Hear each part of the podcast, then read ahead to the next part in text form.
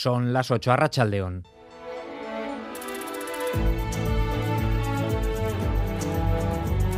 En Radio Euskadi, Gambara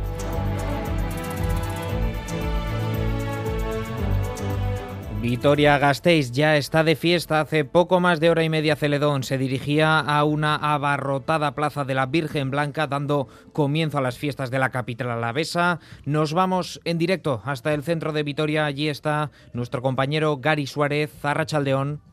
Arrachaldeón. ¿Cómo se ha vivido la que ha sido la última bajada de Gorka Ortiz de Urbina como Celedón?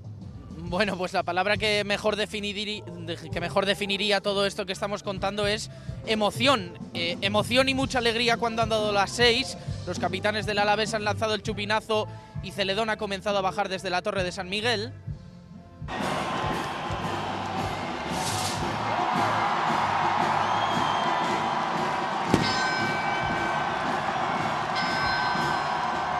Emoción también cuando Gorka Ortiz Urbina, después de haber atravesado toda la plaza de la Virgen Blanca, ha pronunciado su último discurso como celedón.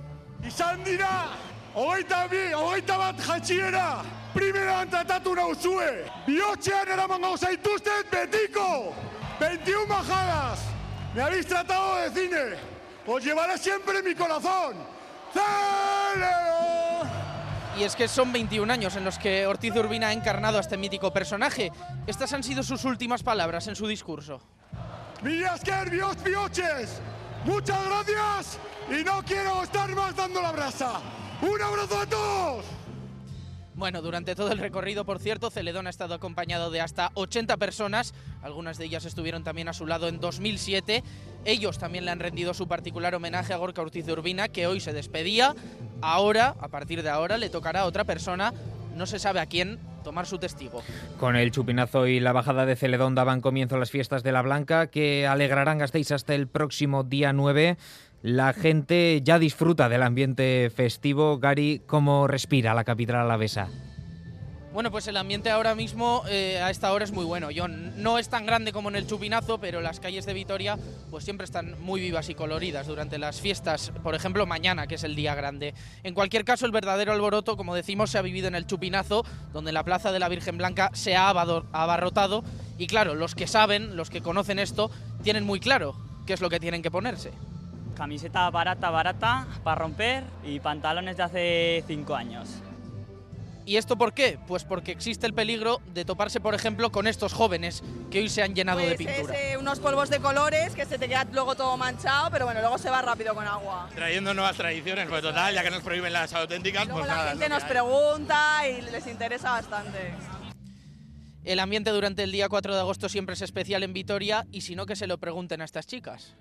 Es que ese espíritu es como que se lleva dentro, es el evento del año. No sabría cómo explicarlo. Yo vivo en Viena y he venido solo esta semana porque son fiestas. Yo es pensar en el chupinazo y ya, ya sí, ya estás como emotivo eh, porque ya se vienen unos días muy, muy guays con los amigos de fiesta. Vemos que muchos lo llevan muy adentro y de todos modos, para quienes no tengan ese componente sentimental, estos jóvenes lo resumen muy bien. La fiesta es la fiesta. La fiesta es la fiesta. Si tienes ganas de fiestas, te animas rápido, te apuntas rápido, eso está bien. Pues eso, John, la fiesta es la fiesta y en Vitoria habrá mucha fiesta hasta el día 9. Gary Suárez en directo desde el centro de una Vitoria Gasteiz que ya está inmersa en sus fiestas de la Blanca.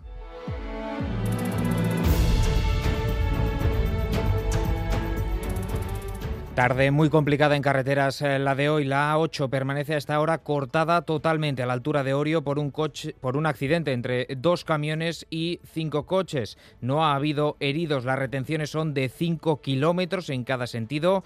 También afectan ya a la Nacional 634 entre Orio y Sarautz. También continúan los 4 kilómetros de retenciones entre Musquis y Ugaldevieta por un accidente múltiple. Kilómetro y medio de colas también en la A1 en Iruraiz Gauna, sentido Irún. Finalmente, precaución por un accidente de chapa que está provocando densidad de tráfico, en este caso en la Guipúzcoa 20 en Herrera, sentido Bilbao. Y además tenemos que lamentar dos fallecidos en menos de 24 horas en nuestras carreteras la persona que moría ayer en un choque frontal en Vergara, tenemos que sumar otra víctima mortal en nuestras carreteras esta mañana en la subida Urquiola, la Vizcaya 623, en el término municipal de Mañaria. El fatal siniestro se registraba sobre la una menos cuarto, cuando por causas que aún se desconocen se ha salido de la calzada el vehículo que conducía y se ha incendiado.